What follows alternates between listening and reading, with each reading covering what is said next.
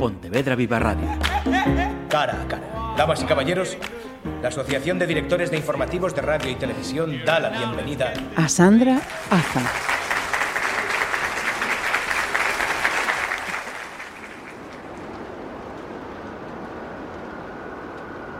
Madrid, 1 de febrero del año 1621 de nuestro Señor. La tormenta arreciaba con tal violencia que el cielo parecía presto a derrumbarse sobre la tierra. Luisa procuraba serenarse, pero el pánico le había diluido el coraje y no lograba mantener la calma. Igual de azogado andaba su cuerpo y, como resultado de ello, no solo temblaba de miedo, también lo hacía de frío. El gélido viento le azotaba el rostro, lloraba lágrimas de nieve, Goteaba escarcha por la nariz y su boca achicaba relentes pulsando nubes de vaho. Renqueante y encorvada, vagaba junto a ningún lugar. El parto se avecinaba y no se sentía capaz de afrontarlo. No así, sola, de noche, en mitad de un temporal, al raso y en los albores de un febrero sañudo como pocos. Su padre siempre decía que, aunque un estómago vacío hincaba rodilla en cualquier época, el invierno solía precipitar el colapso porque, cuando se adueñaba del calendario, ese creador de esqueletos que era el hambre hallaba en largos ocasos e impías temperaturas magníficos aliados en su conjura contra los hijos de Dios. Esta reflexión alcanzó tales cotas de realidad en aquellos días de 1621 que ni los más ancianos recordaban nada similar. Alfombrando el barro de un Madrid aterido donde los buitres ya volaban bajo, decenas de indigentes capitulaban ante los tres almirantes de la muerte, el frío, la noche y un ayuno invicto que disecaba todo brío salvo el del sufrimiento. Quizá por eso, en la desventurada liga que formaban los prisioneros de la calle, nadie se despedía del sol hasta mañana. Tampoco Luisa.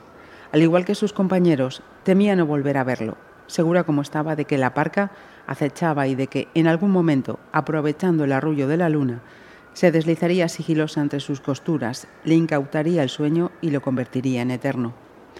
Pensando que acaso dormir bajo tierra fuera menos enojoso que penar sobre ella, Luisa continuó su errante peregrinar. De repente tropezó con un cadáver y cayó de bruces. Condenada burla, masculló ofuscada. El cuerpo de los demás rindiéndose a la muerte y el mío bullendo vida. Trató de incorporarse, pero una ráfaga de viento la tiró de nuevo al suelo. Como el vendaval no amainaba, se quedó allí durante un rato, extenuada, inerte, desmoronada encima del cadáver que la había zancadilleado y envidiando al propietario de aquella famélica osamenta apenas recubierta de pellejo. Al fin y al cabo, había abandonado un mundo miserable y eso ansiaba ella. Cerró los ojos rogando que un desmayo los apagara y el delirio la transportase a un lugar más cálido. Aunque solo fuera un momento, aunque solo viajase en el carro de la ficción. Sin embargo, ningún vaído, síncope o letargo vino a secundar sus ganas de evadirse. Al revés, un agudo pinchazo le acalambró el vientre con tal fiereza que por un instante se temió víctima de un rayo. Si el Altísimo no se hubiera olvidado de una servidora, ya mismo me traería los del pan y el huevo. Jadeó mientras se apretaba la abultada barriga y se apoyaba en el difunto para levantarse. La ronda nocturna de la Santa y Real Hermandad del Refugio Piedad, popularmente conocida como la Ronda del Pan y el Huevo, era una institución muy querida en Madrid. Nació en 1615 y desde entonces Tres cofrades consagraban las madrugadas a patrullar la ciudad y socorrer a los necesitados. Les daban ropa de abrigo, asilo en las hospederías de la congregación y sobre todo aquello que auspició sus alias, un panecillo y dos huevos. También recogían enfermos que agonizaban en las esquinas y demenciados que charlaban con ellas. A los unos los trasladaban al Lazareto, a los otros a la Casa de Locos de Zaragoza, porque pese a su prolija red de conventos, iglesias y fundaciones pías, la villa carecía de centros dedicados a seseras desgobernadas. Para infortunio de Luisa, esa noche los hados no parecían dispuestos a allanarle el camino. La anhelada ronda no asomaba. La criatura que le arqueaba el vientre pugnaba por hacerlo y ella ni se planteaba acudir a un hospital. Ante una menesterosa preñada y soltera, allí se ceñirían al protocolo. Tras asistirla en el alumbramiento, le quitarían el bebé, la acusarían de libertina y la mandarían a la casa galera una cárcel femenina donde expiaban culpas ladronas, hechiceras, alcahuetas, vagabundas y en general mujeres de mala vida. Varias religiosas administraban el presidio y se ocupaban de encauzar la senda cristiana de sus inquilinas, tarea que cumplimentaban de una forma cuando menos paradójica, porque se empeñaban en mostrarles las bondades de Dios aplicándoles los tormentos de Lucifer. Mientras las reclusas dóciles surcaban aquellos infaustos mares zozobrando lo imprescindible, las rebeldes enconaban la travesía nadando contracorriente, porfía inútil, sin embargo, pues siempre terminaban recalando en idénticas playas de sumisión. El oleaje se desencadenaba en cuanto decían a las monjas que cuando el hambre aprieta, la moral se agrieta, o alguna borricada similar. Tras semanas metidas en una mazmorra, a oscuras, sufriendo riguroso ayuno, flagelaciones y un cilicio en el muslo, retornaban al redil más derechas que una vela e incondicionales a la ley de Abelardo. Lo que opino, me lo guardo. Decidida a no acabar encerrada en un sitio tan horrible, Luisa llevaba meses eludiendo a los alguaciles. Su fe en la moral de Dios se tambaleaba y no le parecían lecciones al respecto, mucho menos en semejante escuela. Por eso, aunque el parto le quebrase las entrañas, solo aceptaría la ayuda de los únicos que, en vez de cursar su ingreso en el infierno, la atenderían y después le permitirían marchar. La ronda del pan y el huevo. Desorientada, escudriñó las tinieblas tratando de ubicarse, pero fracasó. No veía nada, excepto los farolillos exteriores de las residencias aristócratas y los cirios de las hornacinas votivas que se encastraban en los chaflanes de algunas costanillas. Ninguna otra candela iluminaba Madrid. De día no había problemas, en cambio al anochecer una negrura insondable amortajaba la ciudad. Caminando a tientas, llegó a la Puerta del Sol y en ese instante un espasmo brutal volvió a combarla.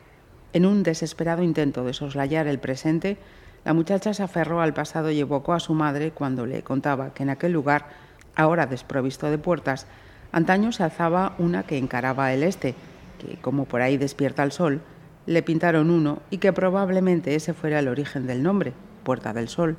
Presa de una nostalgia casi más lacerante que las contracciones, reanudó la marcha y se acercó a la fuente del buen suceso, enclavada al inicio de la calle Alcalá, pero al hallarla en obras e inoperativa, soltó la enésima maldición del día. Muerta de sed, se dirigió entonces a la fuente de los caños del Peral. Era sin duda un desvarío fruto de aquel tremendo dolor que le nublaba el entendimiento, porque nadie cabal escogería ese surtidor entre otros mejores y encima más cercanos. Quedaba al final del arenal y le exigiría recorrer un trecho considerable en absoluto digno de la bebida que suministraba, un caldo turbio y de tal impureza que incluso abastecía los pilones de un lavadero aledaño.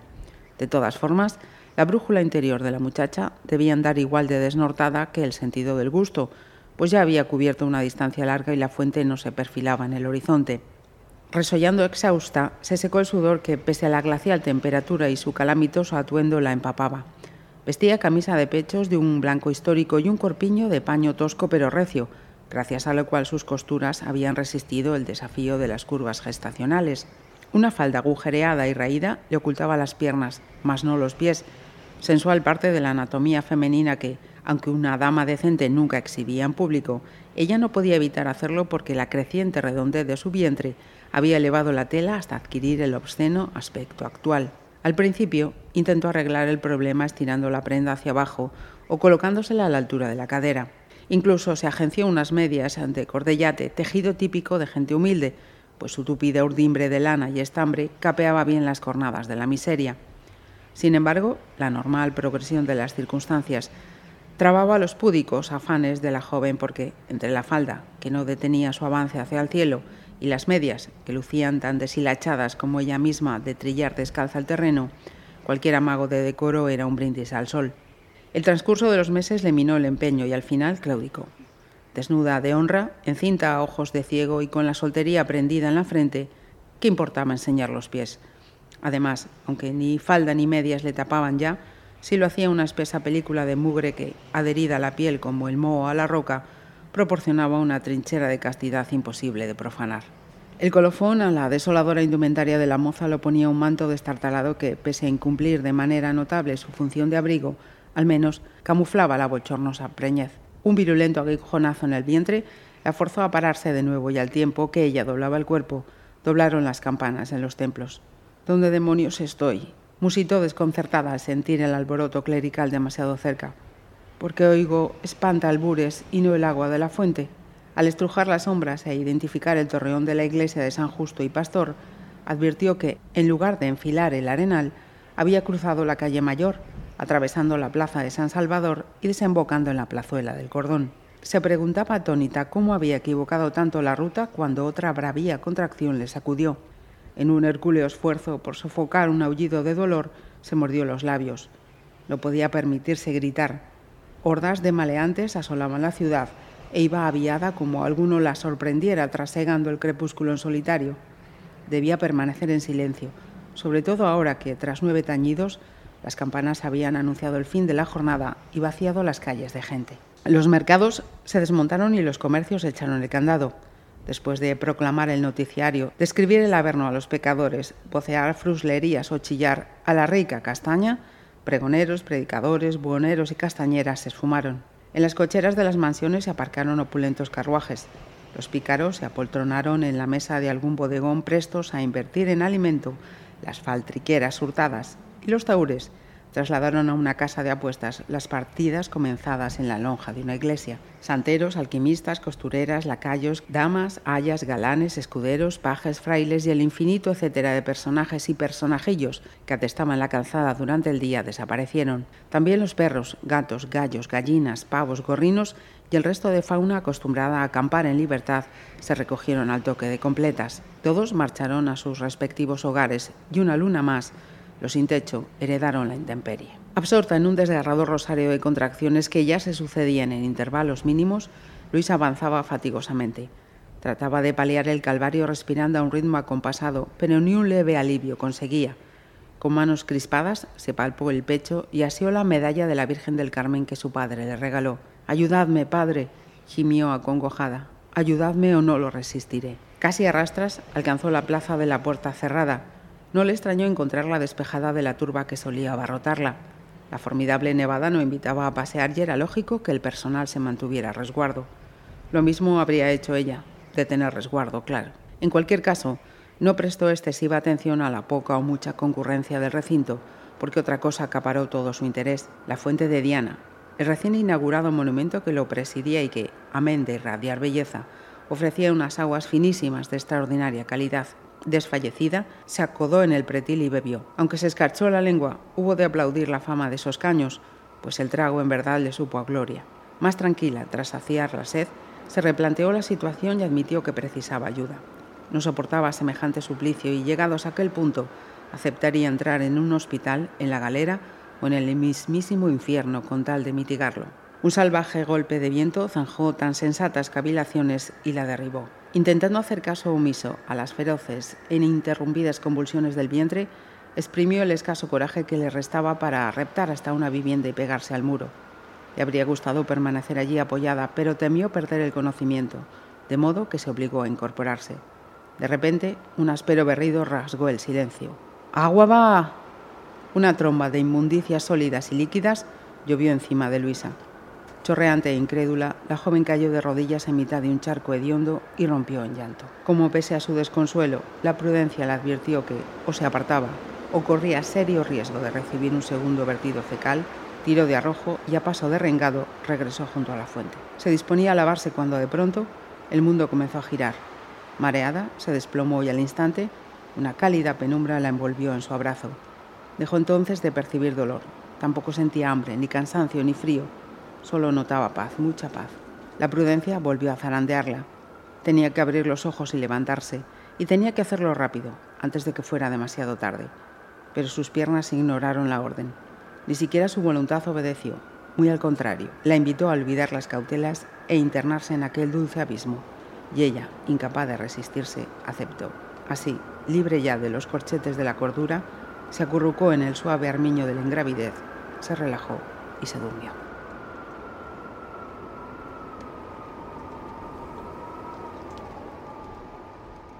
Vamos ahora con la mujer que ha escrito esto que acabáis eh, de oír y que debuta como escritora. Es Sandra Aza y está presentando este libelo de sangre. Sandra, lo primero, bienvenida a este cara a cara. Pues muchísimas gracias, un placer estar aquí con todos vosotros. Tengo que decir, em, además, que Sandra Aza tiene que, em, que ser una mujer valiente. Me explico. Se licenció en Derecho, ejerció como abogada en, un despacho y un día decide poner un punto y aparte y enfocarse en escribir. Sandra, esto es un paso que podemos pensar cualquiera muchas veces, pero poquitos dais el paso. ¿Cuándo fue ese momento tuyo? Bueno, yo más, ya, vaya por delante que yo más que valiente, no sé si fue inconsciente y temerario. Pero bueno, yo la verdad es que llevaba mucho tiempo, efectivamente lo que tú dices, esto es una cosa que, que, que pensamos todos, ¿no? En un momento dado todos tenemos un sueño ahí que, que llevamos tiempo acariciando y, y, y, bueno, y muchos pensamos en un momento dado, oye, pues vamos a dar un vuelco a la vida y vamos a, a ir a por el sueño, ¿no? Pero yo creo que esto conscientemente no, no, no se llega a hacer, yo tampoco, ¿no? Eh, al final eh, llega un momento en que, en que el sueño puede más que tú y te pega un empujón y tú que estás por ahí por el borde del precipicio te pega un empujón y te tira al vacío, ¿no? Yo siempre lo equiparo un poco a tener hijos, ¿no? Si de verdad lo pensásemos mucho, a lo mejor no, se daba el paso adelante, ¿no? A lo mejor no se daba el paso adelante, pero como sucede, pues bueno, esto quitando, salvando las distancias, por supuesto, y, y, pero es un poco así, ¿no? Si piensas dejar toda tu vida, yo era muy feliz eh, ejerciendo la abogacía, me encanta, soy abogada por vocación y, y estaba muy feliz en el despacho donde trabajaba, pero este, este come-come que tenía de, de escribir y de intentar hacerlo y compaginarlo con la abogacía y no poder, al final fue, fue minándome a mí y medrando en, en el escalafón de prioridades, ¿no? Y al final, pues llegó un momento que tenía suficiente fuerza como para pegarme un empujón y, tirarme al vacío. Em, voy a variar el orden de las preguntas ahora que dices esto y para ratificar que ese paso adelante em, fue, bien dado, porque el hecho de que sea tu debut y, y, venga publicada por una editorial como Planeta es empezar ya a lo grande. Sí, la verdad es que yo todavía me pellizco a diario para ver si esto es verdad o lo estoy soñando. Estoy todavía camino de, del, del, del vacío, ¿no? Y estoy cayéndome por el precipicio porque porque es un sueño hecho realidad, porque claro, te pones a escribir una novela, pues hombre, siempre piensas y siempre acaricias, pero bastante tienes por delante mm, en, lo que a escribir se refiere como para pensar en el, en el puerto, ¿no? Pero, pero claro, cuando llegas a puerto y, y te encuentras pues que el planeta se fija en ti, ¿no? Se fija en tu historia, en, en, en, entre el océano de historias y de libros que hay, se fija en la tuya, pues es, es un sueño hecho realidad. Yo, yo te aseguro que todavía me pellizco, en serio, ¿eh? No, no es... Sí, sí, te creo. Porque no, no, no consigo creérmelo. O sea, que yo cuando veo en mi mail eh, que me mandan mails y, pone arroba planeta.net, digo, pero de verdad me conocen, o sea, saben quién soy allí, ¿sabes? Es, es como, en serio, es un sueño hecho realidad. Yo estoy a dos metros sobre el suelo. Mira, y tenías claro además, Sandra, hacia dónde ibas a enfocar lo que, lo que escribías. Siempre has tenido claro que tenía que ser eh, historia, que tenía que ser Madrid. Sí, yo al principio no, no sabía muy bien de qué, cómo, cómo iba a desarrollar la trama, pero sí que tenía en la cabeza los tres pilares de la novela que iban a ser Madrid, el siglo de oro y la Inquisición. Esto lo tenía clarísimo y era y era sobre lo que lo que yo quería desarrollar la historia. Lo que pasa es que inicialmente no tenía mucha idea. Yo cuando me puse a escribir empecé a escribir una sinopsis, de ahí vino el germen inicial y a partir de ahí yo creo que la historia cobró vida propia y, y más que más que seguirme la historia a mí, yo seguía la historia y ella misma se iba desarrollando dentro de mi cabeza y yo pues me limitaba a, a, sacarla fuera y plasmarla en negro sobre, sobre blanco. Cuando empecé a escribir decías, eh, ¿cuándo fue eso? Cuando empecé a escribir fue eh, bueno, yo tenía claro mm, lo que quería hacer, pero no tenía claro el momento. Cuando dejé la abogacía, claro, eh, yo no podía meterme en mi casa a escribir mm, eh, sin más, porque yo necesitaba, a ver, la hipoteca sí, tenía que pagar no las facturas. Claro, seguían llegando. Entonces lo que hice fue sacarme una oposición y entonces ya con ese horario más estructurado, porque la abogacía no tiene horarios y la literatura tampoco, pues con ese horario más estructurado ya, ya me vi en condiciones de, de bueno, pues de empezar, ¿no?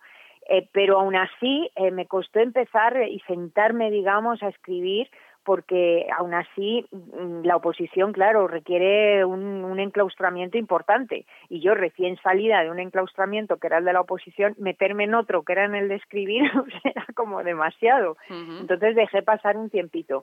Y en este tiempo que yo no lograba decidirme, porque la verdad es que no me atrevía a embarcarme en una aventura de esta naturaleza y de esta envergadura, eh, me tuve que ir como al fin del mundo. Y fue en un viaje a Siberia que me fui allá, al fin del mundo, pues eh, estábamos allí, eh, era una expedición de convivencia con, con el pueblo nómada que vive allí en, en, en Siberia, ¿no? que son los nenés, y, y, que viven en una especie de tiendas de, de, que son como una especie de tipis indios, ¿no? Pero eh, rodeados de pieles de reno, que son ellos son criadores de reno. Bueno, pues allí en medio de la tundra y a 40 bajo cero, pues yo estaba hablando en esa tienda con un amigo mío y le conté la historia y le conté mis miedos y tal y, la historia le pareció potente y le dijo vete a por ello o sea nada más llegar a, España siéntate en el sillón y, enciende el ordenador y dije venga va pues y fue como el empujón definitivo así es que me tuve que ir al fin del mundo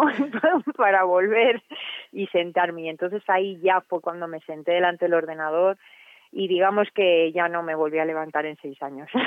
Caramba Caramba. Mira, ahora entiendo también lo del invierno, ¿eh? Ahora que dices eso, no sé si tienes mm, razón. Sí, sí. Mira, nos llevas al Madrid de 1621, como digo, al invierno del Madrid de 1621. En ese contexto se producen dos muertes violentas, la de una mujer y la de un niño, de cuyas muertes se acusa a, a unos judíos. La Inquisición acusa a un matrimonio y es su hijo mayor, protagonista de esta novela, quien ha de hacer justicia por su familia. Nos encontramos en un Madrid con muchas, muchas luces y con muchas sombras y quizá esa parte del Madrid que la historia que nos enseñan cuando somos estudiantes no nos habla. Claro, porque es que el Madrid del siglo de oro siempre pensamos en el Madrid de, de aquella, de, bueno, y también es importante, ¿no? El Madrid de la literatura, de las artes, allí en aquel Madrid era donde estaba eh, Góngora, Quevedo, López de Vega, Velázquez, estaban todos los grandes, todos los grandes que además han, dejado su impronta en la eternidad, porque da igual los años que pasen, siguen ahí, ¿no? Pero eh, y estaba la corte, era la corte fastuosa del imperio, Felipe III, Felipe IV, pero claro, eh, hay que bajar un poco a la realidad, porque esto realmente era la realidad, pero era la realidad de unos pocos. La realidad de la mayoría era otra cosa bien distinta. Aquel Madrid era un Madrid fascinante. A mí me, me, me, entusiasma porque, claro, esto de que tú vayas por las calles y de repente te puedas encontrar a Góngora o a Quevedo o que vayas a un corral de comedias y te estén representando una comedia de Lope de Vega y esté Lope de Vega entre el público, pues claro, es una cosa fascinante y, y, pero ese contraste de la grandeza del brillo y del oro al contraste de la más absoluta miseria en la que vivían muchísimos eh, es muy fascinante y desde luego harto susceptible de, de novelar pero el Madrid de aquella época tenía esas esas esas tenía sus cimas, tenía sus cumbres y tenía sus llanuras y en las llanuras se pasaba muy mal. En las llanuras había muchos mucha indigencia, el, la naturaleza, el, el, valor de la mujer era ínfimo, em, podía haber vagabundos hombres, pero no podía haber vagabundas mujeres porque las metían en la casa galera considerándolas descarriadas eh, había muchísimos niños abandonados, a la incluso le llovían los niños abandonados. Es decir, pero luego al mismo tiempo eh, y, tenemos una ciudad en donde no hay farolas, es decir, era una ciudad muy oscura, era una ciudad muy sucia, como todas las europeas en aquella época, es decir, no éramos nada diferentes. Pero llama mucho eh, la atención y eso es lo que no nos han dicho, pero no nos lo han dicho porque para, para decirlo tienes que novelarlo y bajar a los detalles más pequeñitos de lo que forma y conforma una sociedad. Es decir, te dicen, bueno, el siglo de oro, eh, pues reinaba Felipe III, estaba el duque de Lerma y todo esto, pero ¿cómo era la casa de un pobre? O cómo vestían, o cómo pensaban. Esto no está en los libros de historia, esto ya tienes que, que indagar y ya meterte y abismarte en lo que es esa sociedad para, para, para ya trasladar de verdad al lector. Porque un libro de historia te enseña, pero una novela histórica, un thriller histórico, a lo mejor te enseña, pero sobre todo te transporta, sin lleva duda, Sin duda alguna. Y además es, es, tal, como, tal como lo está diciendo ella, vais a, a, encontraros con unas descripciones eh, de, ese paisaje, de ese momento, luego también esos eh, personajes. También nos decías antes, la Inquisición, y, la Inquisición en toda su crueldad, eh, en toda su falsedad, diría yo. Sí, porque es que, bueno, lo que ocurre es que ahora nos parece todo como muy falso, muy, muy artificial, ¿no? Esto de creer en Dios y, matar en nombre de Dios y todo esto hoy día con nuestros ojos nos parece como, perdona, ¿cómo, cómo que vas a quemar a alguien por en qué, por, dependiendo de, de en qué Dios cree, ¿no? Pero en aquella época era fundamental. Por, eso la historia no la podemos juzgar con nuestros ojos, porque lo que hoy nos parece absolutamente inaudito en aquella época era normal. Eh, por eso la historia yo creo que hay que estudiarla y contarla, pero no se puede juzgar o porque, porque entonces vamos a patinar seguro. En aquella época la religión estaba absolutamente presente en cada momento del día y en cada, y en cada rutina y en cada costumbre, pero eh, en todos los sentidos, porque no solamente desde arriba, porque el gobierno iba de la mano de la religión, porque un imperio tan vasto y tan enorme eh, había que tenerlo, digamos, bajo control con, alguna consigna y la consigna era la fe, la, religión. Y luego por debajo, porque se pasaba tan mal, eh, había tanta hambre, había tanta necesidad, que necesitaban un asidero, algo a lo que agarrarse para pensar que aquello, bueno, pues que podía ir a mejor y, y, ese asidero era la fe en Dios, decir, bueno, pues la fe en Dios, es decir, eh, bueno, esto está mal, pero nos espera el paraíso, ¿no? Entonces, es, eh, eh, estos eran un poco las dos caras de la misma moneda y en las cuales estaba la Inquisición. La Inquisición era ese tribunal que, que era que era parte del engranaje administrativo gubernamental pues para tener unidos a, los al, digamos al pueblo a los súbditos no y, tenerlos digamos bajo control. Y luego por otra parte mm, también una de mis grandes sorpresas fue descubrir que los, los el tribunal de la Inquisición española de la española no de la europea ojo eh, era bastante reglado y, tenía un, una serie de, de normas y una serie de requisitos eh, que, que, se cumplían a rajatabla, es decir, cosa que no ocurría en la Inquisición, en las otras Inquisiciones europeas. Y sin embargo, bueno, pues nos hemos quedado nosotros con el San Benito este, y nunca mejor dicho, de, de ser la Inquisición más sangrienta y, y e incluso en algunas ocasiones parece que hemos sido la única Inquisición, que solo había Inquisición en España. Y no era cierto, o sea, había muchísimas Inquisiciones europeas y algunas de ellas bastante más sangrientas que la española, no, no fue la española la que exterminó a los cátaros, ni a los templarios, ni la que hizo una caza de brujas que duró dos años, dos siglos y se llevó por delante a más de 50.000 mujeres. En, en España el delito de brujería no estaba en el Código Penal Inquisitorial, y, pero sin embargo los juicios de Sugarramurdi los conoce todo el mundo, pero no conocen los juicios de Bushbuck o de, o de, o de Trier, ¿no? que se llevaban por delante a mil mujeres quemadas al día. Eso mm. no, se ha, no ha pasado a la historia, pero los de Zugarramurdi, que murieron seis, eso sí. Entonces, eh, eh, esta fue mi gran sorpresa. Yo cuando me adentré en el mundo de la Inquisición, yo iba con todos mis juicios y prejuicios, e incluso si me apuras con un poco de morbo. Pero me, me, sorprendió muchísimo eh, cuando empecé a ahondar y a descubrir y a ver los datos, los, los, las cifras de, de víctimas, las comparaciones entre otras inquisiciones y la española, me llevé una enorme sorpresa, la verdad. Y es lo que he querido mostrar en Libelo de Sangre, la verdad, sin opinar, sin valorar y sin disquisiciones valorativas. No, no, no. La verdad, lo que se va a encontrar el lector sobre la Inquisición en Libelo de Sangre es la verdad, tal cual ocurría, eh, porque se seguían los procedimientos transcritos. O sea que. Em, fíjate que eh, en, esta última eh, respuesta has mencionado la palabra San Benito y eso me viene genial para decir a quienes nos estáis escuchando que eh, además de esos apéndices en los que Sandra nos va dando detalles, nos va ubicando y explicando, em, en el aspecto de vocabulario es enriquecedor, ¿no? Lo siguiente, es muy didáctica además también esta, esta novela en el sentido de, vocabulario. Yo tengo que decir y reconocer en este sentido, mi ignorancia por supuesto, que he descubierto eh, eh, el origen de muchas palabras que, estamos utilizando prácticamente a diario, Sandra. Yo ahí también otra felicitación más para el libelo de sangre.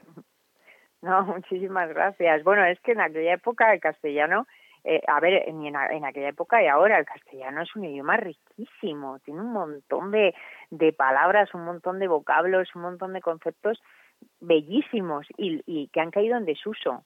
Pero en aquella época se utilizaban eh, y, es que es que para cualquier cosa te hacían una poesía. Yo no me quiero imaginar, eh, eh, o sea, se hablaban dos amigos y, y para decir, oye, que te aprecio mucho, se, se, hacían una poesía, un pobre te pedía limosna y te lo pedía en forma de, te lo rimaba. Eh, era, era una, un ingenio y un genio eh, eh, especial para utilizar el, el, lenguaje. Y bueno, yo lo he querido recuperar un poco, eh, pues honrando, yo he querido hacer un, mi humilde homenaje a Madrid y también al siglo de oro y a la y al lenguaje de la época no eh, que no que no se que no se llama engaño del lector que no es un castellano antiguo que no se entiende sino que claro que son palabras pues bueno, que, que, no, que no usamos, pero que cuando las ves dices, anda, que a mí me ha pasado. Yo cuando veía ciertas palabras decía, ay, pero qué, pero qué bonita, por favor, ¿no? O sea, no es lo mismo decirle algo y eres un pesado que decirle eres un cansaalmas. Es que es bonito, es que está para insultar se puede hacer de manera elegante, ¿no? Decir en vez de torpe eres un pataliebres o, o en vez de cobarde un cobardica, pues eres un temebrisas. Es decir, es es estas cosas que, que, tenían ese ingenio y que a mí, bueno, pues me ha llamado mucho la atención y que está mucho en la literatura del siglo de oro, ¿no? Claro, claro. Y, y esa Sandra Aza, abogada, eh, también está presente en esta novela. Bueno, claro, porque, a ver, claro, la Inquisición era un tribunal, es decir, que, que, que no era eh, una institución, que no, no, era un tribunal, era el tribunal de la Santa Inquisición. Y entonces, como yo, cuando ejercía la abogacía, yo era abogada de pleitos, es decir, de las que se ponen la toga y se presenta allí en un tribunal y dice con la venia de su señoría. Entonces, eh, como, como abogada de pleitos, a mí me fascinaba el tribunal de la Inquisición, es decir, cómo se encartaba un procedimiento para llegar a una sentencia eh, que ordenaba quemar a una persona.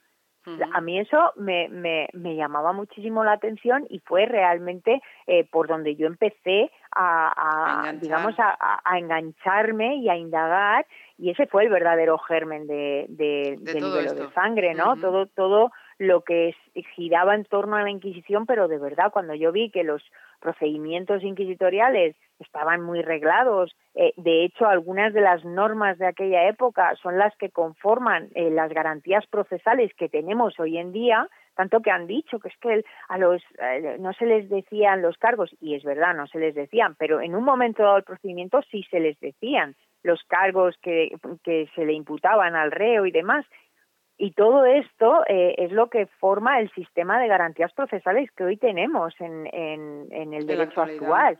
Vienen, tienen su origen en el derecho inquisitorial, que es que esto no se sabe. Yo, yo, yo me quedé absolutamente sorprendida. Y entonces, bueno, pues evidentemente sí, mi faceta jurídica, eh, sí, sí, también, también está. Están las dos, están las aventuras y desventuras de Alonso Castro, que es el hijo de, de, los Castro, el protagonista, que intenta hacer lo posible por rescatar a sus padres, y luego están los avatares de los padres eh, frente a la Inquisición, y todo eso, pues bueno, debido a un libelo de sangre, que si quieres te, le contamos a los oyentes. Efectivamente, pues sí, sí, sí, sí, sí. Porque bueno, yo no, yo lo descubrí y, cuando indagué sobre todo esto, pero todos sabemos lo que es un libelo. Un libelo es un escrito que infama o difama, ¿no? Pero cuando le apostillamos ese de sangre, dices, libelo de sangre, ¿y eso qué es, no? Bueno, pues diremos que son esas acusaciones falsas, falsas, como libelo que es, eh, eh, que culpaban a los judíos de, de, secuestrar niños cristianos para sacrificarlos. Y entonces, en torno a ese asesinato ritual que ha tenido lugar en la villa, eh, bueno, todo el mundo sospecha que es un asesinato ritual, entonces es cuando se forma ese libelo de sangre que acusa a los padres de Alonso de haber cometido ese asesinato. Y entonces, bueno, pues empiezan los problemas, ¿no? Ya lo creo, ya lo creo. Yo tenía también otra, otra preguntilla em, a raíz de la lectura de la novela. ¿Te gusta el ajedrez? Me gusta el ajedrez, sí. Eres la eh, primera que me lo pregunta. Me encanta que me hagas esa pregunta, como dirían. Eres la primera que me lo pregunta. Es que sí, me gusta el ajedrez. No soy ninguna experta, ya me gustaría, pero es que me parece el juego de el juego del pensar y me encanta estrategia y... Sí. sí. sí sí sí tiene tiene mucho de eso recomendable 100% a cualquier edad, además. A que sí, a que sí, yo también lo pienso. Sí, sí. Y mira, perteneces a la Asociación de Escritores con la Historia, una entidad en la que mm, he, indagado, he mirado y he visto que estáis en nombres mm, reconocidos como Antonio Pérez Henares, que es el presidente, Isabel San Sebastián, Luz Gabás, Javier Sierra, Santiago Posteguillo, Carmen Posadas, Luis del Val, Jorge Molist, eh, Maripau Domínguez, algunos de ellos ya también han pasado por este cara a cara. Vuestro leitmotiv, eh, Sandra, es eh, reivindicar el rigor, eh, un espíritu más divulgativo. Sí, exacto, es que es reivindicar la historia verdadera de España. Yo creo que es que la historia de España es una de las historias más tergiversadas y más manipuladas eh, de, de, todas y al final es que han calado tantísimo en el crédito popular, en el acervo popular, pero el nuestro, el de los españoles, que, vamos por el mundo con la cabeza gacha y avergonzados. Y, y, y, no, y no es cierto, o sea, eh, eh, porque eso es, esa leyenda negra que hay contra España, yo creo que ya ha llegado un momento que nos pesa demasiado, que es injusta y que ha llegado el momento de empezar a, a, a, decir, a decirle a la gente y a decirnos a nosotros mismos que somos grandes y que no lo sabemos y que ya está bien de que nos humillen y nos y nos veis que sois unos sangrientos, la Inquisición española, unos sangrientos, unos analfabetos, unos incultivados, unos retrógradas, unos xenófobos porque expulsamos a los judíos, que, que llega el momento de decir, oye, perdona, eh, los reyes católicos expulsaron a los judíos en 1492 y, y, y muchos siglos antes ya los habían expulsado Ita, eh, perdón, Francia, Inglaterra, Alemania. Cuando los reyes católicos expulsaron a los judíos, ya los habían expulsado de todo el norte de Europa. Por eso había tantos judíos en Galicia en concreto, en todo el norte de España, porque ya los habían expulsado del, del norte de Europa y entonces estaban, los pobres iban bajando para abajo y solamente eh, quedaban por expulsar España, Portugal, Italia y la Baja Austria. El resto de Europa ya los había expulsado y los reyes católicos los expulsaron bajo las presiones europeas porque nos llamaban que éramos unos nidos de herejes porque convivíamos los cristianos con los judíos y los musulmanes. Entonces, cuando al final ya los reyes católicos, más por obligación que por convicción, decidieron eh, eh, firmar la expulsión, les llovieron felicitaciones de toda Europa, incluso recibieron una carta de la Universidad de la Sorbona felicitándoles por haber entrado en razón y a la postre en la modernidad. Vamos, poco imaginaban que se iban a convertir en el símbolo de la xenofobia de toda Europa, cuando fueron de los últimos que expulsaron a los judíos.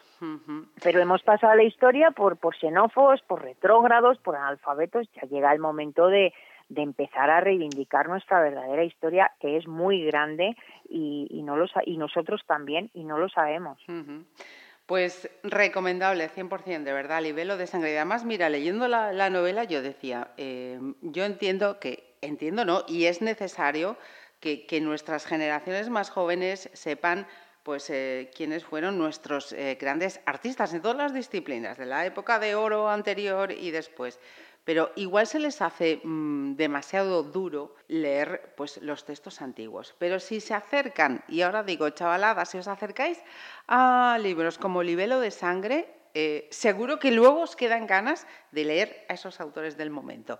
Y en cualquier eh, caso, recomendaré a todos que os acerquéis a esta primera novela de Sandra Aza, Libelo de Sangre, eh, y la pregunta que siempre hacemos, Sandra, no soy nada original y que dirás tú, dejarme respirar, dejarme disfrutar este momento ahora de promoción de esta primera novela.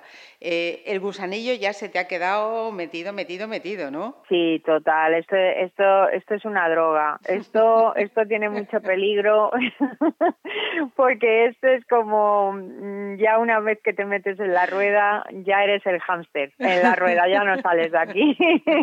Así es que aquí me pillas otra vez eh, encadenada al sillón con el ordenador y, bueno, pues tecleando. Pues estaremos pendientes para la siguiente, Sandra. De verdad, un placer haber leído esta novela y un placer esta charla contigo. Muchísimas gracias.